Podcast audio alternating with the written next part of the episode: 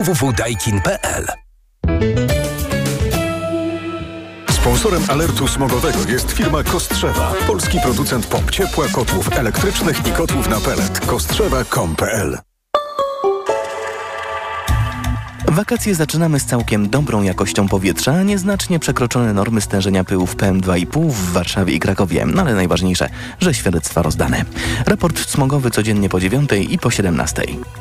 Sponsorem alertu smogowego jest firma Kostrzewa, polski producent pomp ciepła, kotłów elektrycznych i kotłów na pelet. Kostrzewa.com.pl Radio TOK FM. Pierwsze radio informacyjne. Wywiad polityczny. Karolina Lewicka, dzień dobry, witam Państwa i zapraszam na wywiad polityczny. Mój Państwa pierwszy gość, Michał Kobosko, wiceprzewodniczący Partii Polska 2050, Szymona Hołowni. Dzień dobry Panie Dzień dobry Panie redaktor, witam Państwa. Sondaż Ipsos dla TOG FM i Okopres. Trzecia droga w tym sondażu pod progiem, który dla Komitetu Koalicyjnego wynosi 8%. Trzecia droga ma w tym sondażu 7%. I to jest strata w stosunku do marca, kiedy także zbadaliśmy Państwa wspólny start. Strata o 3 punkty procentowe, bo wówczas Państwo startując razem osiągali 10% wynik. Dodam, że kilkanaście minut temu pojawił się także inny sondaż. Kantar dla Gazety Wyborczej. Od razu odczytam całość wskazań. PiS 32, Koalicja 32, czyli się zrównują. Konfederacja 7, Trzecia Droga także 7, czyli pod progiem, Lewica 6%. No i co Państwo na to? A Konfederacja u Państwa miała 12, tak? A tak tutaj jest. 7. No muszę powiedzieć, że niektóre wyroki są niezbadane w tych sondażach i jak się dwa sondaże pokazują dzień po dniu i zawierają tak ogromne różnice, w naszym przypadku rzeczywiście tej, tej różnicy nie ma, ale... Chociaż zaznaczam, że bardzo niestabilny jest elektorat Konfederacji. On jest chwiejny na przykład jednego dnia mówi, że zagłosuje, następnego dnia, że nie pójdzie na wybory, potem zaczyna się zastanawiać. N- nie wiem, prawda. czy można Znaczy- wytłumaczyć tak duży rozrzut, bo tu 12, tu 7. Niemniej jednak trzeba zaznaczyć, że jest to elektorat Czy generalnie niestabilny. jest, generalnie jest bardzo niestabilnie, nie tylko w przypadku Konfederacji. Ja tylko zwrócę uwagę, że ten dzisiejszy kantar, on e, w nim jest informacja, że 74% jest deklarowana frekwencja. Bardzo bym chciał widzieć, zobaczyć W sondażu kiedykolwiek w Ipsos Polsce dla tego typu... FM i Okopres 68%, natomiast A w wiemy, że prawdziwych zawsze... wyborach 2019 było 61 Zawsze i to była duża determinacja. jest to zawyżone, potem jest dużo No. niższe oczywiście przy urnie No wyborczej, więc to właśnie, wiemy. odpowiadając na pytanie, oczywiście widzimy, widzimy ten kilkupunktowy e, zmniejszenie naszych notowań. Widzimy to obniżenie też notowań w przypadku Nowej Lewicy. Rzecz jasna jest to efekt e, w dużym stopniu marszu 4 czerwca i przekonania części wyborców, że ten marsz pokazał, że, że ta największa siła powinna mieć największe szanse w wyborach. Natomiast szczerze mówiąc, jak widzę takie wyniki sondażu, to ja czuję w sobie i my u siebie czujemy w trzeciej drodze jeszcze większą determinację do pracy, do roboty. Dlatego, że jest, e, dzisiaj jest chyba 112 czy 113 dni do wyborów, zakładając, że one będą tego 15 października, bo podobno mogą być nawet, e, nawet później i PiS to rozważa. No ale zakładając e, tyle czasu, to znaczy, że jest mnóstwo pracy przed nami do wykonania. Jeszcze się prawdziwa kampania nie zaczęła. Poczekamy, kiedy będziemy mogli rozpocząć Tak, kampanię. kiedy pan prezydent sformować- ogłosi wynik, e, no nie właśnie, wynik, tylko to zależy od, wyborów. trochę widzi mi się to znaczy w pewnych widełkach pana prezydenta. Y, Myślę, że z dzisiejszej perspektywy PiSu to oni się nie będą spieszyć z ogłaszaniem Do sierpnia pan wyborów. prezydent ma czas. Otóż to, więc wtedy się rozpocznie prawdziwa i bardzo ostra kampania, która będzie trwała ledwie kilka, kilkanaście tygodni i to będzie ten czas prawdziwej próby, to będzie ten czas przekonywania nieprzekonanych. My tutaj bardzo mocno widzimy naszą rolę do odegrania, przekonywanie nieprzekonanych, których jest wielu i przede wszystkim tych, którzy dość regularnie nie głosują, bo ci, którzy nie głosują, badaliśmy to wielokrotnie, w dużym stopniu mówią właśnie, ja nie mam na kogo głosować, nie, nie czuję, żebym chciał głosować No dobrze, albo na PiS, albo na ja bym Platformę. chciała też dopytać, bo na przykład Paulina Mhm. Henik-Kloska mówi, nie chcemy rozmawiać z chodzącymi na marsze, zmęczonych polaryzacją jest 6 milionów osób. My tych ludzi spotykamy, my tych ludzi widzimy i my z nimi chcemy pójść jesienią do urn wyborczych. I zastanawiam się, skąd się Państwu wzięło te 6 milionów. No bo zważywszy na to, że uprawnionych do głosowania jest 30 milionów, tak? Głosuje powiedzmy 18-19 milionów, nie głosuje i to są różne osoby podczas różnych elekcji. To nie jest No ciągle ta właśnie o sama chodzi, grupa. że ta grupa się 11 na przykład, czy 12 milionów osób nie, nie chodzi na, na wybory. Zastanawiam się, skąd Państwo wzięli te 6 milionów. Kto to jest? Po pierwsze, ta wypowiedź pani posłanki została wyrwana z kontekstu, jak Ale to się to ładnie mówi. Ona nie kolejny- powiedziała, że my nie rozmawiamy z chodzącymi na marsze. To, co mówiła i to jest e, sedno, myślę, tego, co w tej chwili planujemy robić, to właśnie trafianie do tych, którzy regularnie nie głosują, albo no nie czują się, choć głosują, to nie czują Ale w sobie przekonania, kolejny żeby zagłosować na jedną z dwóch partii. 6 milionów osób i zastanawiam się, skąd tę liczbę państwo wzięli. Dlaczego pani poseł mówi 6 milionów osób? To znaczy, że to w jaki sposób państwo policzyli? Kto się liczy do tych 6 wi- milionów? tak widzimy potencjał tych, których możemy przekonać do zagłosowania Ale na kto nas. to jest? To są osoby, które w ogóle nie głosują, to są osoby niezdecydowane, to są osoby, które głosują na inne ugrupowania. Jak to państwo To jest, policzyli? to jest łączna liczba z tych grup, o których pani powiedziała. To jest ten potencjał, który my widzimy wyborczy, by znaleźć, by przekonać do trzeciej Ale drogi. to jest bez sensu w takim razie, jeżeli pan Dlaczego mówi, to że... jest bez sensu? Bo ja powiedziałam, kogo państwo wliczają. Czy osoby, które są niezdecydowane, czy te, które nie głosują, czy te, które głosują na inne formacje. To zakłada pan, że trzecia droga jest w stanie przekonać do siebie na przykład wyborców Konfederacji albo Lewicy, tak? I przeciągnąć ich wyborców do siebie. To jest e, rywalizacja o wyborców między wszystkimi ugrupowaniami. Nie jest prawdą, że walczą tylko dwa w Polsce ugrupowania o, wyborców, o, o wyborców.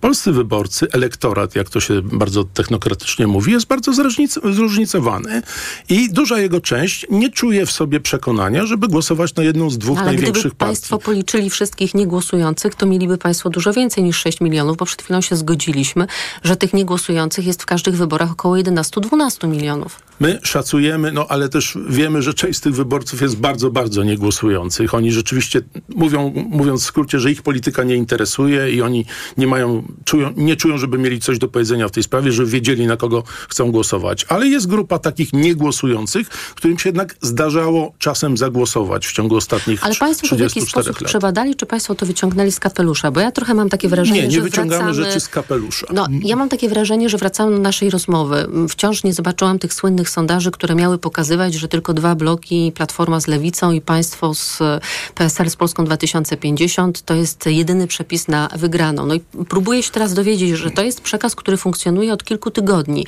wśród państwa polityków, że jest 6 milionów osób. No to jest gigantyczny potencjał, rozumiem. Państwo wnostowaliby fenomenalne wyniki, gdybyście państwo mieli 6 milionów wyborców. To jest gigantyczny potencjał i my uważamy, że o taką grupę wyborców będziemy zabiegać. Ale pan mi nie to- potrafi powiedzieć, skąd się wzięło Bo pani oczekuje, że ja wyciągnę w tej chwili z milionów. kieszeni wyliczenia. To są wyliczenia, które robiliśmy wielokrotnie razem z ekspertami, z socjologami, którzy z nami pokazać, pracują. podobnie jak tych sondaży, które Każda- miały wskazywać na... Każda z partii ma pewne sondaże wewnętrzne, ma swoje zespoły e, ekspertów, socjologów, którzy z nimi pracują. Każda z partii operuje na pewnym, na pewnym zespole danych, które ma, których część upublicznia, a część nie upublicznia. No to jest rynek No, Ale to nie konkurencyjny. jest, jak rozumiem, ja chyba wszystkie, jak, jakiś, wszystkiego nie mogę zdradzać. jakiś sekret, y, jak państwo oszacowali y, grupę osób możliwych do pozyskania. Tak jak powiedziałem przed chwilą, oszacowaliśmy na tym poziomie i o tę grupę będziemy zabiegać. Czy rozważają Państwo jakieś e, zmiany w układzie, jeżeli chodzi o formułę startu? Czy rozważają Układ Państwo... to jest takie groźne słowo generalnie. groźne w, w ustach Jarosława Kaczyńskiego i przez niego być może zawłaszczone i e, konotowane teraz e, pejoratywnie, ale samo słowo układ w pierwotnym znaczeniu nie niesie ze sobą takich złowrogich konotacji. To za słowo, które zostało zepsute, to prawda. Tak, przez Prawo i Sprawiedliwość. E, Formuła w takim razie bardziej odpowiada? Formuła jest taka, że współpracujemy z PSL w ramach Sojuszu Trzecia Droga. Jutro pr- przeprowadzimy bardzo dużą, pierwszą konwencję na kilka tysięcy osób w Grodzisku Mazowieckim. Jutro nasi liderzy Szymon Hołownia i Władysław Kosiniak-Kamysz przedstawią założenia tego i czym jest Trzecia Droga i o co zamierza walczyć, w jakich punktach, jakie sprawy są dla nas najważniejsze i jakie problemy konkretne ludzi chcemy rozwiązywać. I to się wydarzy jutro i to będzie początek e, dużego cyklu spotkań, objazdu kraju, który będzie miał miejsce w miesiącach wakacyjnych. Z góry przepraszam słuchaczy, że no, polityka nie da w tym roku w czasie wakacji Będzie atakować na plażach, w górach, na Mazurach. Ja nie, ja nie wiem, czy aż tak nie chcielibyśmy, żeby ludzie jeszcze bardziej znielubili politykę niż e, dzisiaj nie lubią, ale polityka będzie bardzo obecna, bo tak jak przed chwilą powiedziałem, ten kalendarz jest nieubłagany, kalendarz wyborczy i tu na pewno Szymon Hołownia i Władysław Kosiniak-Kamysz jako dwaj liderzy młodego pokolenia polskiej polityki, bo takie są dzisiaj realia polskiej polityki bardzo mocno będą obecni, poczynając właśnie od dnia I mają się odróżniać od e, dwóch liderów starszego pokolenia, czyli Kaczyńskiego i Tuska, jak rozumiem. To znaczy, jeżeli mówimy o wieku biologicznym, to tak, siłą rzeczy na pewno będą się odróżniać. E, Konwencja w hali niedawno zbudowanego Centrum Aktywizacji i Integracji Społecznej w Grodzisku Mazowieckim. 2000 osób słyszałam, że ma się pojawić. Czy będzie jeszcze Co najmniej. więcej? Myślę, że będzie zdecydowanie więcej. I że cały mają- czas słyszymy, że kolejne grupy się organizują i zamierzają przyjechać jutro na konwencję. I że mają się pojawić gwarancje ze strony liderów Polski 2050 i PSL, to znaczy będą Państwo gwarantować to, co Państwo będą realizować, jeżeli Państwo, jak rozumiem, wygrają wybory. Będziemy gwarantować to, co y, będzie możliwe do zrealizowania, jeżeli będzie nam dane brać udział w, e, brać współodpowiedzialność za losy kraju, to tak jutro przed, zostaną zaprezentowane bardzo konkretne koncepcje. Nie będzie ich bardzo wiele, ale to nie są takie czasy, żeby No to proszę składać się- zdradzić jakąś jedną. No nie, pani redaktor, to No nie to jest co, to moja ja rola. To e, To bardzo proszę, niech pani próbuje, ale wiem, że te, te prace no, są w wąskim gronie bardzo prowadzone, naszych dwóch ugrupowań i jutro efekty tych prac zostaną zaprezentowane. No to strzelam. E, Skrócenie czasu oczekiwania na wizytę u lekarza specjalisty do 90 dni lub zwrot kosztów za wizytę prywatną. Bardzo dziękuję za promocję naszego programu. Mówimy o tym od kilku miesięcy. To jest jedno z podstawowych założeń, jeżeli chodzi o zmiany dotyczące bałaganu, który dzisiaj mamy w ochronie zdrowia. Widzi pan, to nie było trudne. No tak, bo ponieważ w ten sposób, e, za co właściwie byłbym wdzięczny, ale czasu nam może nie starczyć, możemy przypomnieć wszystkie najważniejsze punkty naszego dotychczasowego programu. Jutro o 10 Państwo startują, więc Tak zapewne wszyscy zainteresowani dowiedzą się, jakie będą jeszcze inne gwarancje. Bardzo zapraszamy do Grodziska Mazowieckiego. trzeciej. Jutro już cały świat nie będzie się działo na Dolnym Śląsku, ale w Grodzisku także. Tak jest. W ogóle, Szanowni Państwo, jutro jest Dzień Konwencji, Platforma PiS, Super Lewica sobota. i Konfederacja. Czy potem przyjdzie wakacyjne uspokojenie? Nie sądzimy, o czym Pan Przewodniczący już przed chwilą mówił. Jarosław Kaczyński zabrał wczoraj głos. Mam takie możliwości, że mogę wejść do rządu zawsze.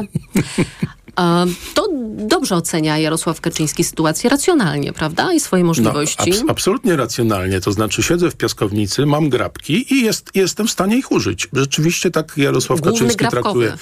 Główny grabkowy polskiej, polskiej polityki. Niestety tak Jarosław Kaczyński traktuje i rząd, Radę Ministrów i inne instytucje. To znaczy mogę, więc mogę zrobić absolutnie wszystko. Nieważne, czy to jest zgodne z prawem, zgodne z sensem, zgodne z jakąś regułą, e, odpowiedzialnością polityka, bo polityk odpowiedzialny powinien poważnie traktować rząd Rzeczpospolitej, ale Jarosław Kaczyński może sobie z niego wchodzić, wychodzić, jakby wsiadał do pociągu.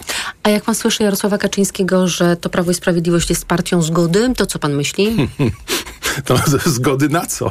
Zgody na kradzież, zgody na nepotyzm, zgody, jak się wczoraj okazało, na przekręty giełdowe. Nie wiem, czy pani redaktor zna sprawę wielkiego przekrętu na giełdzie papierów wartościowych, gdzie okazało się, że na akcjach e, elektrociepłowni Będzin ktoś zarobił chyba tysiąc procent, a dzisiaj się okazało z publikacji medialnych, że to ludzie związani z PiSem, którzy kandydowali w podwarszawskim Legionowie. Co, jest Konkretna osoba.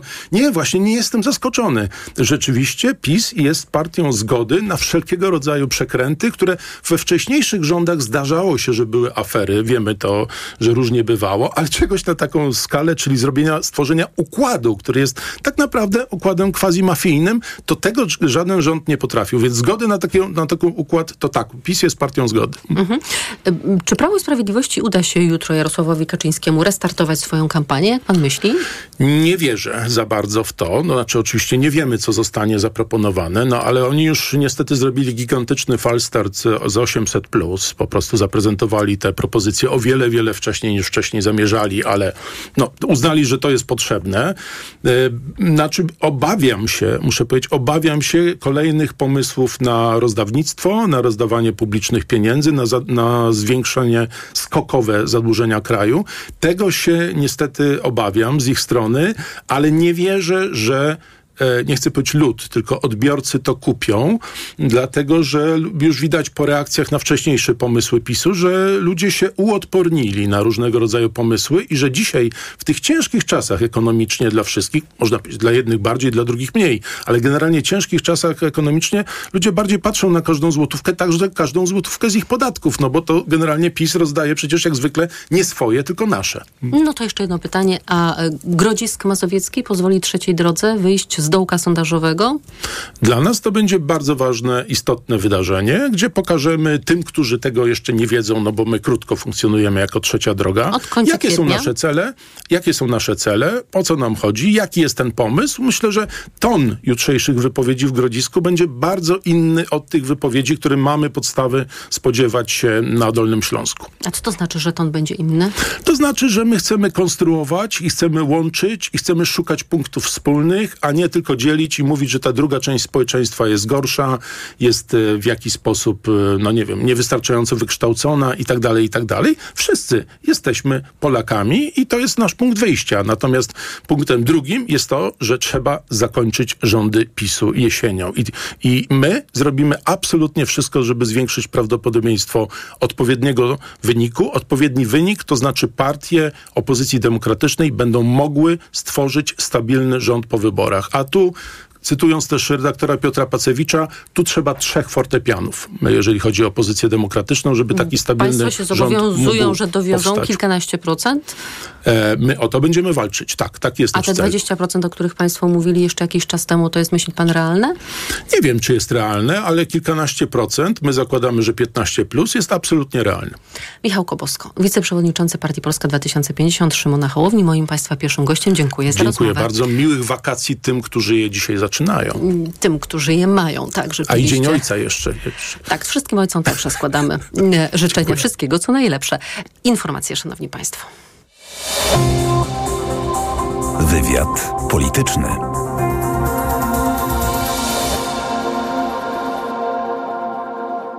Autopromocja. Fundacja Tok FM i Fundacja Batorego przedstawiają Rozumieć Ukrainę. Podcast o tym, jak dramatycznie, a czasem zaskakująco zmienia się ukraińskie społeczeństwo, państwo czy gospodarka. Zapraszamy Agnieszka Lichnerowicz i Edwin Bendek. Będziemy się przedzierać przez mgłę wojny, stereotypy czy własne fantazje, by naprawdę i lepiej rozumieć naszego sąsiada. Wszystkich odcinków podcastu posłuchasz na tokefm.pl ukośnik Ukraina lub w aplikacji mobilnej Tok FM. Autopromocja. Reklama. W upały twoje dziecko bardzo się poci. Chcesz mu dać wodę? To może być za mało. Pocąc się, dziecko traci elektrolity, w tym wapń potrzebny do rozwoju kości. Podaj mu tabletki musujące Hydro Optima Junior. Suplement diety Hydro Optima Junior dostarcza niezbędne elektrolity i co ważne w przypadku dzieci, zawiera wysoką dawkę wapnia. Hydro Optima Junior ma pyszny pomarańczowy smak, mimo niskiej zawartości cukrów. Hydro Optima Junior. Zdrowe nawodnienie dla twojego dziecka. Aflofarm. Wielki żużel wraca do Polski. W tym sezonie Bartek Zmarzlik stawał na podium każdej rundy SGP. Jak będzie tym razem? Speedway Grand Prix w Gorzowie Wielkopolskim. Jutro o 18.35 na żywo w TTV. Drzwi to wizytówka domu, a wizytówka Castoramy To oszczędzanie, bo przy zakupie drzwi wewnętrznych, zewnętrznych, technicznych i ościeżnic zwracamy 150 zł na kartę podarunkową za każdy wydany tysiąc. promocja tylko do poniedziałku. Szczegóły w regulaminie w sklepach i na castorama.pl. Dziś na wyborcza.pl. Kredyt we frankach. Kiedy warto iść na ugodę z bankiem? Ile czasu zajmuje załatwienie sprawy i ile można na tym zyskać? Historie czytelników i porady prawników. Czytaj dziś na wyborcza.pl. Barbara, przez cały weekend będzie naprawdę gorąco. A co ty sprawdzasz pogodę, Marian? Kody rabatowe w Media Expert sprawdzam. Do poniedziałku w Media Expert gorący weekend z kodami rabatowymi. Reklama. Radio TOK FM. Pierwsze radio informacyjne. Informacje TOK FM. 17.20 Piotr Jaśkowiak, zapraszam. Straż Graniczna wydaliła z kraju ośmiu cudzoziemców. Czterech z nich stanowiło zagrożenie dla bezpieczeństwa państwa i porządku publicznego. W przypadku jednego ustalono związki z terroryzmem, mówi rzeczniczka pograniczników porucznik Anna Michalska. Wśród wydalonych były również osoby, które organizowały albo pomagały w przerzucie migrantów z Białorusi do Polski.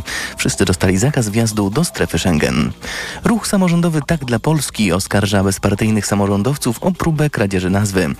Prezes Prezes ruchu, prezydent Sopotu Jacek Karnowski zamierza zgłosić do sądu próbę zarejestrowania partii o nazwie Tak dla Polski. Jest to próba kradzieży czyjejś nazwy. To pokazuje, że po prostu ci ludzie są do wszystkiego zdolni, żeby nie dopuścić do wygrania wyborów przez demokratyczną opozycję. Bezpartyjni samorządowcy zamierzają wziąć udział w jesiennych wyborach do Senatu samodzielnie, a Tak dla Polski jest częścią opozycyjnego paktu senackiego.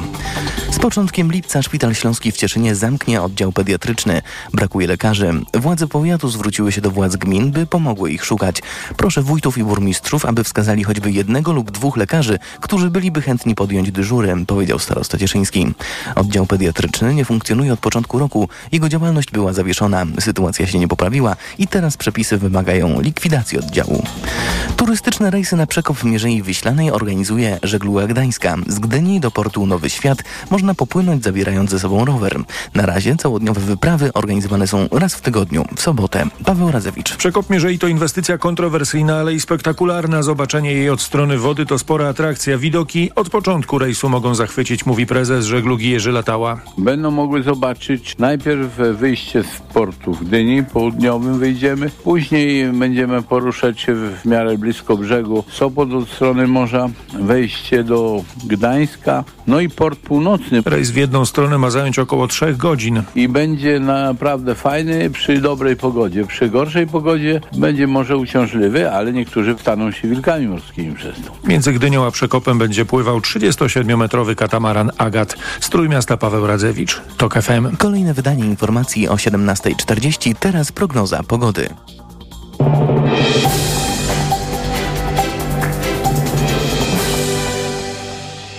Dobrej pogody życzę sponsor programu. Japońska firma Daikin. Producent pomp ciepła, klimatyzacji i oczyszczaczy powietrza. www.daikin.pl Na prognozę pogody zaprasza sponsor. Właściciel marki Active Lab Pharma. Producent preparatu elektrowid zawierającego elektrolity z witaminą C i magnezem. Pogoda. Pochmurno i deszczowo będzie grzmiało, najwięcej deszczu na Pomorzu Zachodnim, a najsilniejszy wiatr na Podkarpaciu. To dziś, a jutro 19 stopni Celsjusza w Warszawie, 20 w Krakowie, 21 w Katowicach, w Poznaniu, Łodzi i Wrocławiu 24, a w Trójmieście nawet 25 stopni.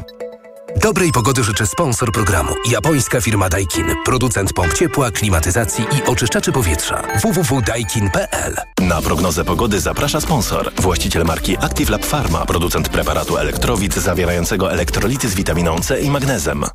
Radio TOK FM. Pierwsze radio informacyjne. Wywiad polityczny. Profesor Krystian Markiewicz jest z nami, sędzia, prezes Stowarzyszenia Sędziów Polskich Justicja. Dzień dobry, panie profesorze. Dzień dobry, kłaniam się. Jutro w Gdańsku odbędzie się trzeci Kongres Prawników Polskich pod hasłem Rządy Prawa Wszystkich Sprawa. Poprzedni kongres miał miejsce w 2019 roku w Poznaniu, pierwszy odbył się w Katowicach w 2017 roku. Czego się państwo spodziewają po tym gdańskim spotkaniu? Co się na tym spotkaniu wydarzy? Każdy kongres ma swoją historię. Idziemy do przodu. Pierwszy był takim krzykiem przeciwko łamaniu praworządności w Polsce. Podczas drugiego zarysowaliśmy to, co powinno się stać, żeby obronić praworządność. A teraz podczas trzeciego kongresu chcemy nie tylko dokonać analizy tego, w jakim momencie jesteśmy, ale przedstawić pakiet pięciu ustaw, które nie tylko wyprowadzą nas z tego marazmu, z tego stanu wydawałoby się beznadziei, ale mam nadzieję, że, że pokażą, że będziemy w stanie doścignąć te najbardziej praworządne państwa w Unii Europejskiej. Mówi Pan o tym pakiecie pięciu ustaw. Zanim porozmawiamy, czego one dotyczą, to chciałabym się zapytać o to, czy będzie poparcie opozycji dla tych rozwiązań, które Państwo wypracowali. Mam taką nadzieję. To nasze, nasze projekty należy traktować jako projekty społeczne. Przypomnę, że kilka lat temu przedstawiliśmy, nazwijmy to taki dobry początek dla, dla tych ustaw, i wówczas te projekty zostały przyjęte przez porozumienie pra dla praworządności. To były nie tylko organizacje pozarządowe, ale także część partii tak zwanych tak, opozycji, opozycji demokratycznej. Ja mam nadzieję, że ten pakiet, który przecież nie dla siebie piszemy, tylko dla państwa, dla silnej Polski, dla demokratycznej Polski w Unii Europejskiej, będzie, będzie czymś, co pomoże nam wszystkim w Polsce. I ten prezent zostanie przyjęty przez wszystkich, dla których praworządność jest ważna i którzy praworządność biorą na serio. To teraz konkretne rozwiązania. Na pewno będzie ustawa, która dotyczy sytuacji w Trybunale Konstytucyjnym. Projekt tejże ustawy został opracowany przez zespół ekspertów prawnych Fundacji Batorego. Jak przeciąć ten węzeł gordyjski, który zaplątał się przy fasadzie Trybunału Konstytucyjnego i w środku budynku? No, e, e, to jak, jak wygląda sytuacja w Trybunale Konstytucyjnym wszyscy wiemy i to jest e, obraz skrajnego upolitycznienia no, jednego z sądów polskich. Źle się dzieje. No, trzeba znaleźć rozwiązanie. Przypomnę, że te ustawy opracowane przez Fundację Batorego to zarówno ten, ten, ten stan idealny, ale oczywiście pytanie pani redaktor jest jak najbardziej trafne, jak, jak przeciąć ten węzeł gordyjski opracowanie, które, które zostało przedstawione, zakłada e, dwie sytuacje. Po pierwsze, stwierdzenie, że dublerzy nie są sędziami Trybunału Konstytucyjnego, a po drugie e, prowadzenie postępowań dyscyplinarnych dla tych, którzy naruszyli e, etos sędziego Trybunału Konstytucyjnego. Myślę, że jest to bardzo dobra podstawa do tego, żeby spróbować doprowadzić do sytuacji, gdzie Trybunał Konstytucyjny będzie odzyskiwał zaufanie Polaków, a nie, że będzie organem politycznym, gdzie wszyscy dzień przed wyrokiem wiemy, jaki ten wyrok, jaki ten wyrok będzie miał treść. Kolejna propozycja, która chyba nie spotka się ze sprzeciwem mm, partii opozycyjnych, gdyby one miały tworzyć rząd po jesiennych wyborach parlamentarnych, bo takie propozycje też w tych propozycjach partyjnych się pojawiają, to jest rozdzielenie funkcji prokuratora generalnego od ministra sprawiedliwości. Tak, jak, jak e, kolejny, e, kolejny przykład, można powiedzieć, akademicki. No widzimy, do czego doprowadza sytuacja, kiedy e, minister sprawiedliwości, polityk, jest szefem prokuratury. Wszystko, co jest złe w Polsce, a związane jest z ośrodkami władzy, jest poza zakresem jakiejkolwiek odpowiedzialności. Tak się dzieje, no bo przecież nie będzie prowadził postępowania przeciwko sobie, polityk, który jest szefem wszystkich prokuratorów. Przypomnę, że jak były jakieś próby wszczęcia postępowań e, przygotowawczych przez prokuratorów, to zwykle to, to, to postępowania trwały kilkanaście minut. One kończyły się natychmiastowym umorzeniem, e, a taki prokurator na ogół był zsyłany na drugi e, koniec Polski. Tak wygląda prawo równe dla wszystkich w wykonaniu prawa i sprawiedliwości. To jest sytuacja zła, i należy z nią skończyć. Prokuratora musi być niezależna, niezależna od świata polityki. Jest to, jest to konieczne. Inaczej, obojętnie co, by się, co byśmy nie mówili na temat sądów, to będzie bez większego znaczenia, ponieważ żadna sprawa nie wpłynie do tego sądu, bo prokuratura po prostu nie wniesie aktu oskarżenia. Kolejna instytucja to KRS, Krajowa Rada Sądownictwa, właściwie grzech pierworodny deformy wymiaru sprawiedliwości przeprowadzanej przez obecnie rządzących, ponieważ upolityczniono Krajową Radę Sądownictwa. Działa ona w sposób nieprawny, niezgodny z ustawą zasadniczą. W związku z tym także jej decyzje, chociażby mianowania sędziowskie, no, mają na sobie to odium niezgodności z prawem. E, sytuację KRS-u Państwo też e, chcą zmienić, bo zmienić ją trzeba. Tak, to jest konieczne. Przypomnę, że to jest jedno z pierwszych postępowań przeciwnaruszeniowych co do Polski, które e, dotyczyły właśnie zamachu na Krajową Radę Sądownictwa.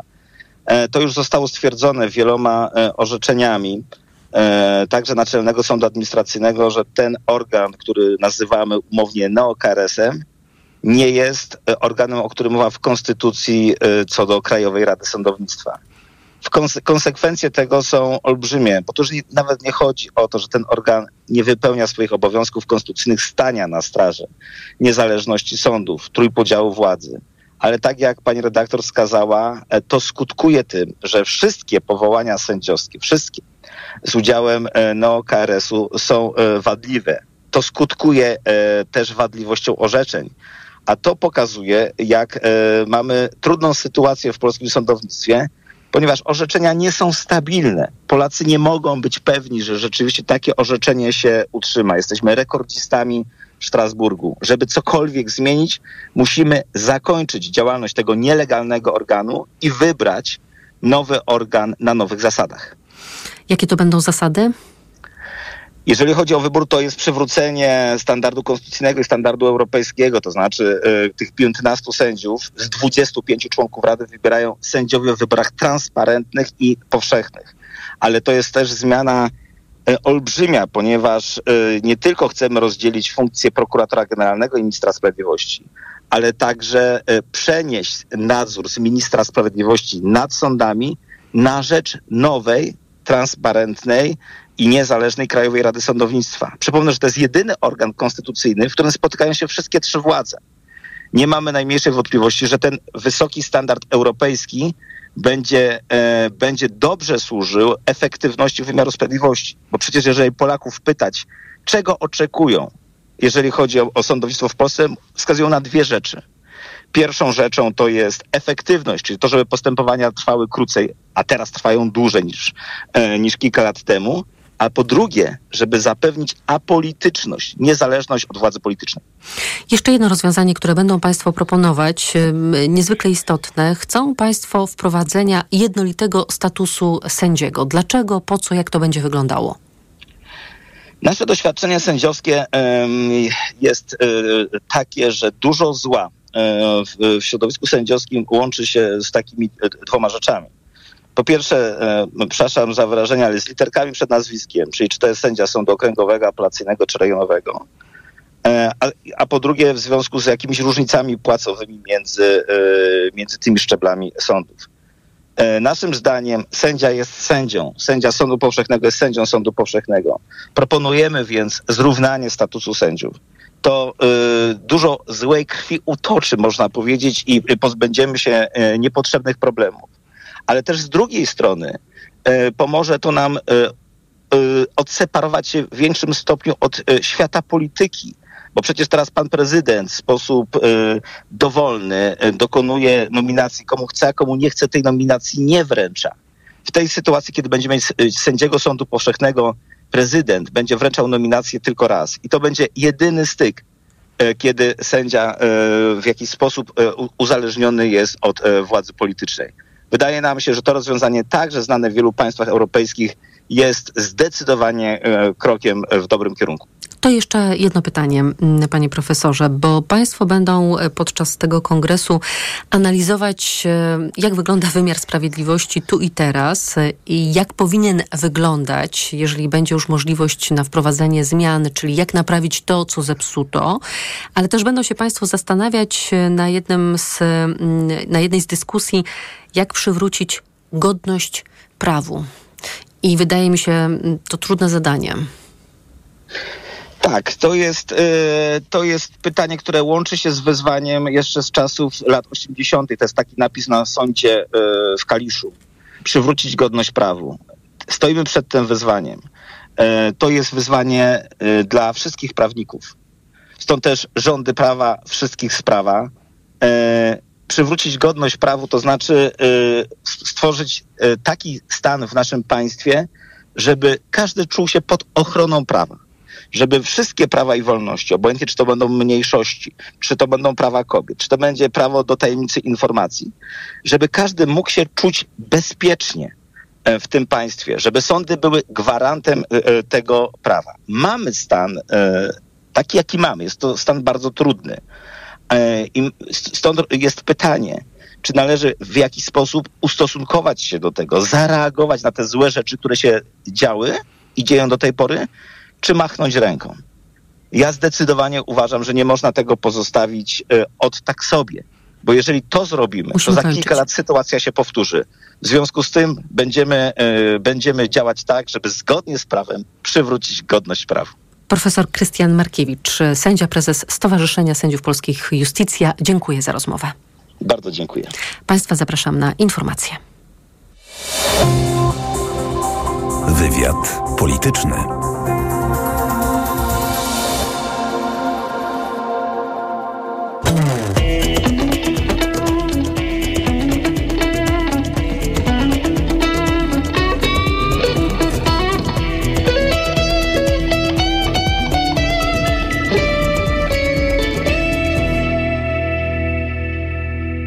Autopromocja. Dołącz do subskrybentów Tok FM Premium. Słuchaj swoich ulubionych audycji i podcastów Tok FM, których nie usłyszysz na naszej antenie. Słuchaj wygodnie, gdziekolwiek jesteś. Zawsze, gdy masz na to ochotę. Wykup dostęp do Tok FM Premium. Zapłać 150 zł i korzystaj przez cały rok. Szczegóły oferty znajdziesz na tokefm.pl. Autopromocja. Reklama. Let's go! Ostatni dzwonek w Mediamarkt. Złap okazję na wakacje. Teraz słuchawki bezprzewodowe Sony z aktywną redukcją szumów. Tylko za 409 zł. Mediamarkt. Paulina Pastuszak, międzynarodowy ekspert stylizacji paznokci i autorka książek. Często pytacie, jak radzić sobie, gdy paznokcie są słabe i łamliwe, na przykład po środkach chemicznych czy nieumiejętnym zdjęciu hybrydy. Niezastąpione jest Regenerum, regeneracyjne serum utwardzające do paznokci. To świetny utwardzacz. Tworzy na paznokciach tarczę ochronną, zabezpieczając je przed uszkodzeniami. Regenerum wzmacnia i odbudowuje paznokcie, wypełniając uszkodzenia. Utrzymuje się do 7 dni i pozostawia je mocne, gładkie i błyszczące. Regenerum. Pełna regeneracja. Dziś na wyborcza.pl kredyt we frankach. Kiedy warto iść na ugodę z bankiem? Ile czasu zajmuje załatwienie sprawy i ile można na tym zyskać? Historie czytelników i porady prawników. Czytaj dziś na wyborcza.pl. Dlaczego zmieniłam tabletki na wątrobę i stosuję Proliver Cardio? Bo poprzednie tylko chroniły wątrobę, a Proliver Cardio również stymuluje pracę układu pokarmowego. Proliver nie tylko wspomaga wątrobę, ale również wspiera odtruwanie. I dodatkowo Proliver Cardio wspiera zdrowe serce.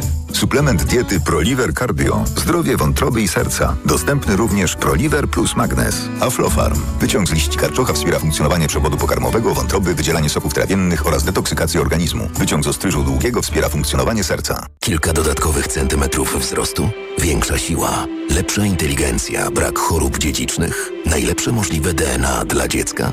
Nowa książka Waltera Isaacsona, autora bestsellerów Steve Jobs i Leonardo da Vinci. Kod życia, edycja genów i przyszłość ludzkości. Wyścig naukowców, odkrywanie i poprawianie kodu życia, tajemnica istnienia, dylematy etyczne, kontrowersyjne eksperymenty. CRISPR. Kod życia Waltera Isaacsona już w księgarniach. Ale ty schudłaś. Nie zgadniesz dzięki czemu. Zmieniłam preparat magnezu. Na magiczny magnez? Na Neomax Slim. Neomax Slim to suplement diety, który dostarcza magnez, a do tego dzięki nasionom kolanitida wspomaga odchudzanie. Skoro i tak bierzesz magnez, wybierz Neomax Slim. I przy okazji zadbaj o smukłą sylwetkę. Tak zrobię. Tobie także przyda się zdrowa dawka magnezu. Neomax Slim. Więcej niż magnez. Aflofarm. Marian, Hmm? a gdzie mogę kupić Na ten... mediaexpert.pl No dobra, ale jakbym chciała jeszcze dokupić... Na mediaexpert.pl No to jeszcze, Marian, żeby to wszystko tanio dostać. Barbara na mediaexpert.pl Gotowi na wakacje? No to jedziemy. Wyznaczam trasę. Droga będzie kręta i górzysta. Oj, niedobrze. Dla zachowania komfortu podróży kup dzieciom Lokomotiv. Lokomotiv to sprawdzone i bezpieczne rozwiązanie na podróż z dobrym samopoczuciem. Dzieci czują się dobrze i nie są senne. Z Lokomotivem bezproblemowo dotarłeś do celu. Pastelki do ssania oraz suplementy diety, drażetki i syrop już dla trzylatków. Lokomotiv. Niezastąpiony w czasie podróży. Wyciąg z kłącza imbiru pomaga utrzymać komfort lokomocyjny. Aflofarm. Reklama. Radio TOK FM. Pierwsze radio informacyjne. Informacje TOK FM. Jest 17.40. Piotr Jaśkowiak, zapraszam. Trybunał Konstytucyjny wyznaczył datę rozprawy w sprawie pełnego składu Trybunału Konstytucyjnego. Wniosek w tej sprawie złożył premier, który chce, by sędziowie uznali, że nie potrzeba ich aż 11, by mówić o pełnym składzie. Tą kwestią zajmą się 13 lipca. Prezes Julia Przyłębska ma problem, by zgromadzić pełen skład Trybunału. Część sędziów jest zdania, że jej kadencja już upłynęła i odmawia z nią współpracy, co paraliżuje pracę. Jeden z najbogatszych ludzi świata, Elon Musk, ugiął ugiął się pod naciskiem Unii Europejskiej. Pisze o tym brytyjski Guardian.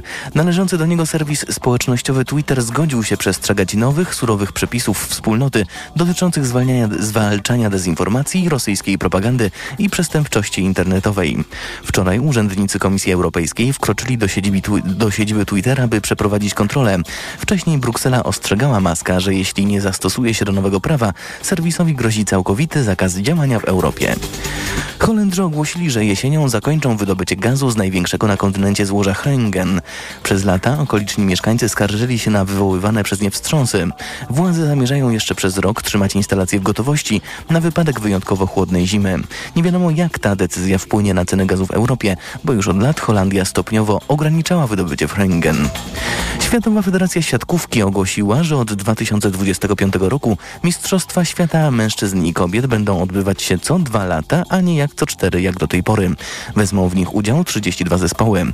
Rywalizacja upodobni się do Mistrzostw Świata w piłce nożnej.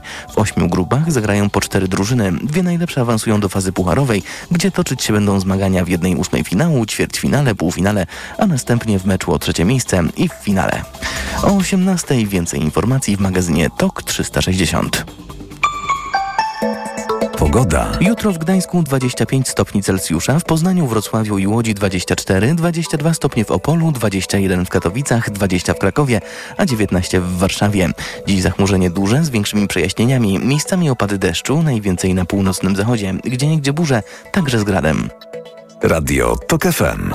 Pierwsze radio informacyjne. Rzeczywiście w ostatnich e, paru tygodniach w Polsce ceny hurtowe paliw były niemal najwyższe w Europie. Łokik z urzędu powinien te działania już dawno prowadzić, bo to gołym okiem było widać te praktyki monopolistyczne. To, że dopiero teraz Łokik e, zadeklarował, że przyjrzy się sprawie, jest kompromitacją dla tej instytucji. 5 milionów 26 tysięcy złotych nasi mieszkańcy, a więc my wszyscy przepłaciliśmy za paliwo z uwagi na wygórowanie marże Orlenu. Niestety okazuje się, że agresja zbrojna Rosji wobec Ukrainy została w sposób cyniczny wykorzystana przez władze i rządowe spółki do łupienia obywateli, przedsiębiorców i samorządów. Radio TOK FM. Pierwsze radio informacyjne. Posłuchaj, aby zrozumieć.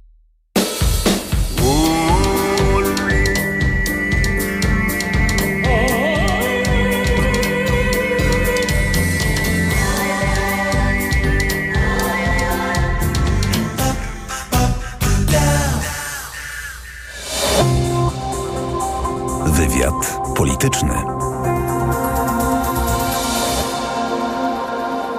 Moim i Państwa gościem jest dr Paulina Sobiesiak-Pęszko, Instytut Spraw Publicznych. Dzień dobry Pani doktor. Dzień dobry Państwu. Zajmiemy się teraz raportem Instytutu Spraw Publicznych Kryzys energetyczny, postawy, opinie i oczekiwania Polek i Polaków w marcu tego roku.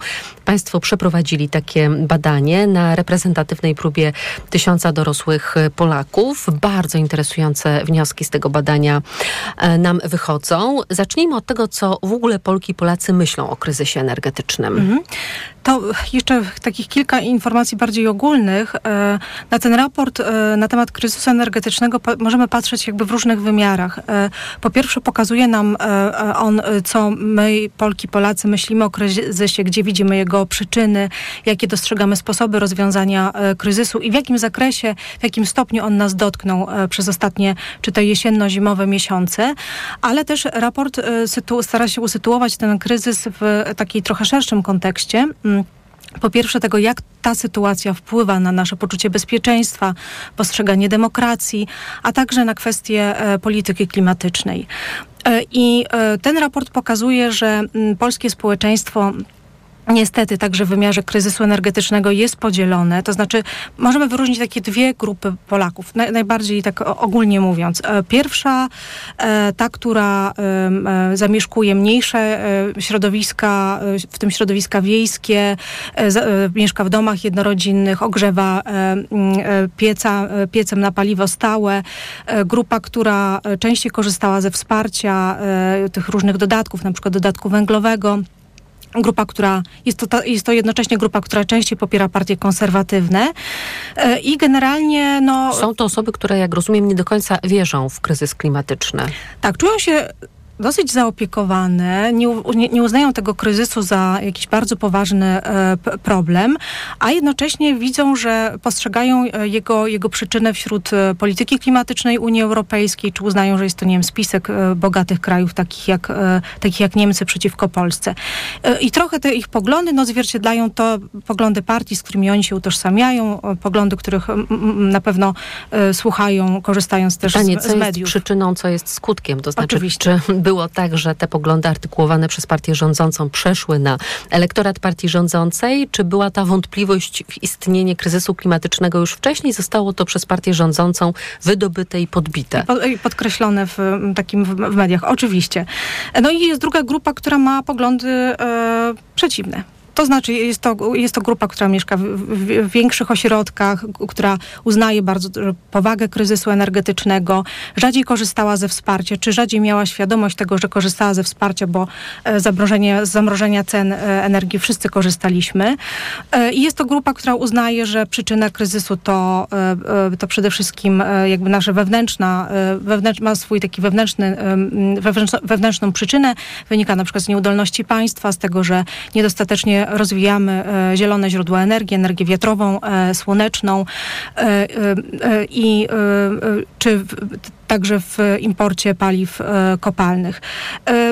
Także, także Powiedziała światy... Pani o tych dwóch światach, mhm. o tym pęknięciu polskiego społeczeństwa, ale z drugiej strony, kiedy Państwo dają do rozwagi takie stwierdzenie, w Polsce mamy obecnie do czynienia z kryzysem energetycznym, to 67% odpowiada tak, albo takie stwierdzenie. Kryzys energetyczny powinien przyspieszyć przejście Polski na odnawialne źródła energii. 62% mówi i owszem. Tak, no i to, jest, to są pozytywne e, wieści, e, bo jeżeli e, patrzymy na ogół społeczeństwa, to zdecydowanie my jesteśmy progresywnie nastawieni do, do transformacji. Uznajemy, że powinniśmy przyspieszyć i ten kryzys powinien przyspieszyć nasze przejście na, na odnawialne źródła energii. I też to, co było dla mnie ciekawe, te sposoby rozwiązania kryzysu także po, dostrzegamy jako społeczeństwo w większości w rozwijaniu tych zielonych źródeł, ale także rozwijaniu własnej własnej niezależności energetycznej, ograniczeniu importu paliw kopalnych między innymi. To ja podam dokładne dane, które mam tutaj przed sobą. 67% z nas mówi inwestowanie w produkcję zielonej energii, na przykład słonecznej albo wiatrowej.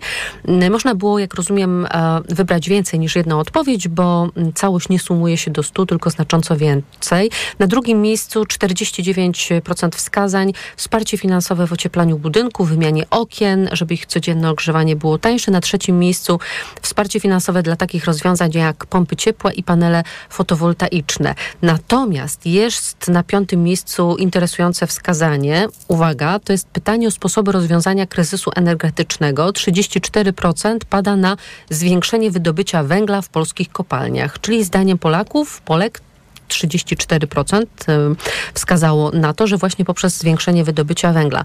Być może rzeczywiście tak można byłoby rozwiązać kryzys energetyczny, chociaż nie do końca, bo jak wiemy, trzeba po polski węgiel schodzić coraz głębiej, jest to coraz droższe jego wydobycie, no ale na pewno nie jest to antidotum na kryzys klimatyczny z kolei. No zdecydowanie. Tutaj, w, jak pani wymieniła e, te kwestie związane z ocieplaniem na przykład budynków, no to tutaj mamy wątek e, bardzo ważny efektywności energetycznej. E, I to jest też bardzo ważne. Także to jest drugie, co do częstości wskazanie sposobu poradzenia sobie z kryzysem.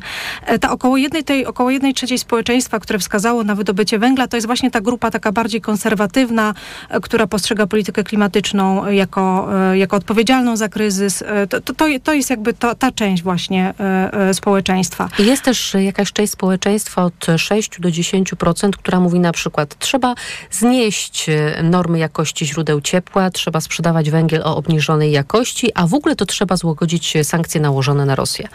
Tak, i to znowu jest ta, ta sama grupa, ta, która przynależy do tego pierwszego świata, o którym opisałam, bardziej świata ludzi wywodzących się z mniejszych miejscowości, bardziej konserwatywnych, popierających obecną rządzącą koalicję. Jednym słowem polaryzacja także w obszarze kryzysu energetycznego. Niestety. A co ma wspólnego kryzys energetyczny i demokracja? Bo to jest też niezwykle interesujący wątek Państwa raportu i badań. Mhm. No, my zastanawialiśmy się nad tym, jakie jakie e, skutki może mieć e, kryzys e, energetyczny. No i też myśleliśmy o tym w kontekście funkcjonowania demokracji, tego, to, tego, jak to poczucie zagrożenia, które towarzyszyło kryzysowi, może się przełożyć na na przykład na zwiększenie siły populizmu w Europie, w, w Polsce.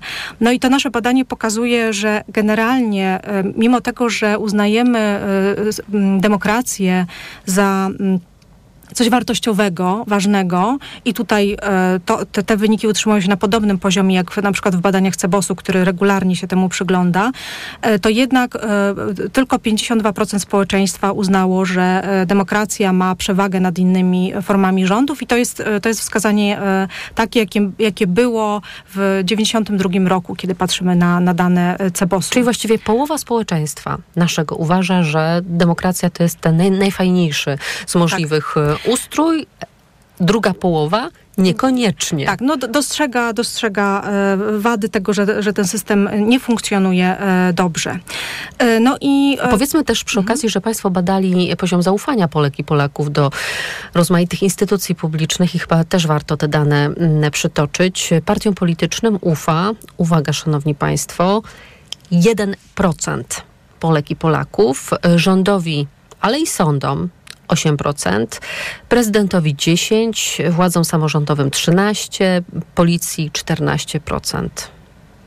No, ja bym powiedziała, że to są naprawdę dramatycznie e, niskie, Znaczy w niskie ogóle nikomu wskazania. nie ufamy, Nikomu, mam nikomu wrażenie. nie ufamy, e, chociaż też znowu tutaj widać różnicę, znowu tą polaryzację, czyli środowiska, które się bardziej utożsamiają z partiami konserwatywnymi, rządzącymi, bardziej im ufają rządowi, parlamentowi, prezydentowi, kościołowi katolickiemu, grupy z, bardziej takie progresywne, łączące się swoje sympatie z partiami opozycyjnymi, częściej ufają Unii Europejskiej, samorządom lokalnym, organizacjom społecznym. Czyli tutaj też te różnice widać, ale generalnie tak, mamy w Polsce, no nie od dzisiaj, ale y, ogromny kryzys zaufania i widać, że on się niestety pogłębia. Czyli co? Tylko połowa społeczeństwa uważa, że demokracja jest najlepszym z możliwych ustrojów. Nie ufamy nikomu i niczemu. I teraz wracamy do mojego mm, pierwotnego pytania, co ma wspólnego kryzys energetyczny i demokracja. No, y, po pierwsze, kryzys energetyczny y, może y, wpłynąć na obniżenie jakby siły. Obniżenie sz- szans na f- funkcjonowanie czy rozwijanie się s- systemów demokratycznych w Europie, dlatego że zawsze poczucie zagrożenia sprawia, że my szukamy jakichś alternatyw, tak, że odwołujemy się tutaj do, do, do ludzi, do, do osób, które, czy partii politycznych, które będą oferowały nam proste rozwiązania Trudnych na trudnych problemów. problemów.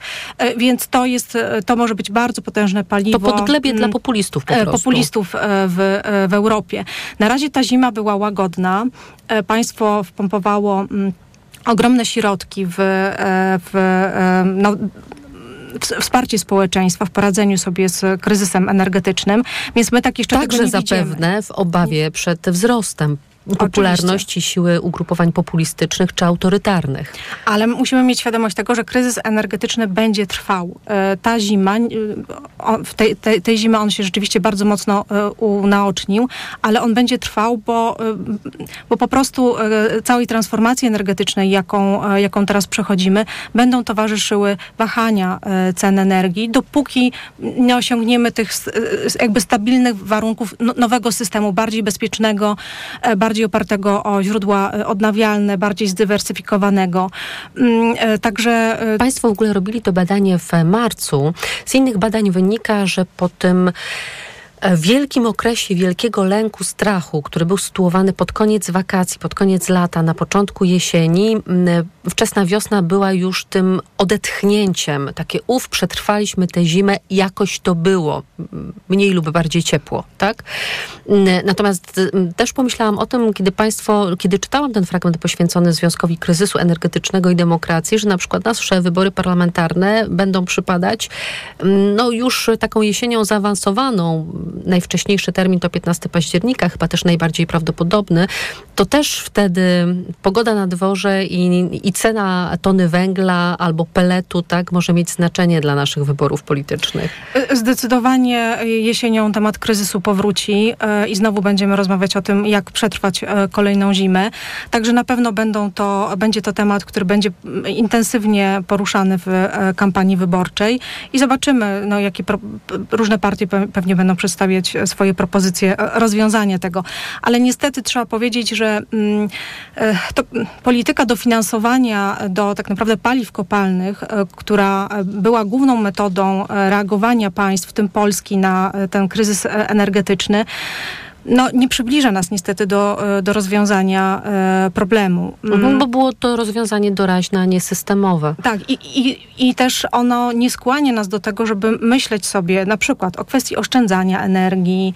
E, Co te... też wynika z, pański, tak. z Państwa badań. Około połowa Polaków, które zdecydowało się w sezonie jesienno-zimowym na różne formy oszczędzania, takich jak, nie wiem, wyłączanie oświetlenia w niektórych pomieszczeniach, czy obniżenie temperatury w swoim domu, nie planuje ich już kontynuować. Więc więc Widać, że te, że te nawoływania takie, które widzieliśmy i w przestrzeni publicznej, tutaj w Warszawie, na billboardach, e, do oszczędzania jakiś skutek przyniosły, ale nie możemy niestety powiedzieć, że oszczędzanie energii jest jakąś nową normą społeczną, a powinno nią być, bo oszczędzanie jest najtańszą formą e, poradzenia sobie z kryzysem energetycznym. Dobrą dla naszego portfela, ale także dla klimatu.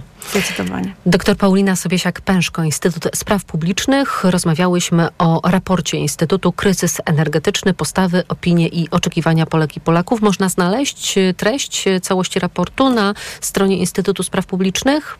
Tak, raport jest dostępny na naszej stronie www.isp.org.pl. Zapraszamy do lektury. Bardzo dziękuję za rozmowę. Szanowni Państwo, wywiad polityczny dobiega końca. Program wydawał Tomasz Krzemiński, realizował Kamil Wrublewski, a na TOK 360 zaprosi Państwa już za moment Wojciech Muzal. Ja życzę Państwu udanego weekendu i do usłyszenia. Wywiad polityczny.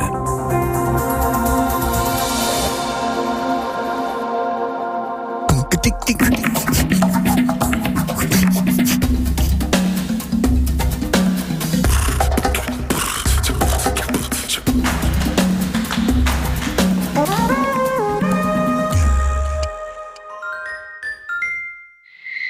dnia to idealny moment na chwilę zastanowienia nad nami, światem, historią. Zwolnij, weź oddech i posłuchaj o wszystkim, co ważne. Maciej Zakrocki przedstawia. Od poniedziałku do piątku.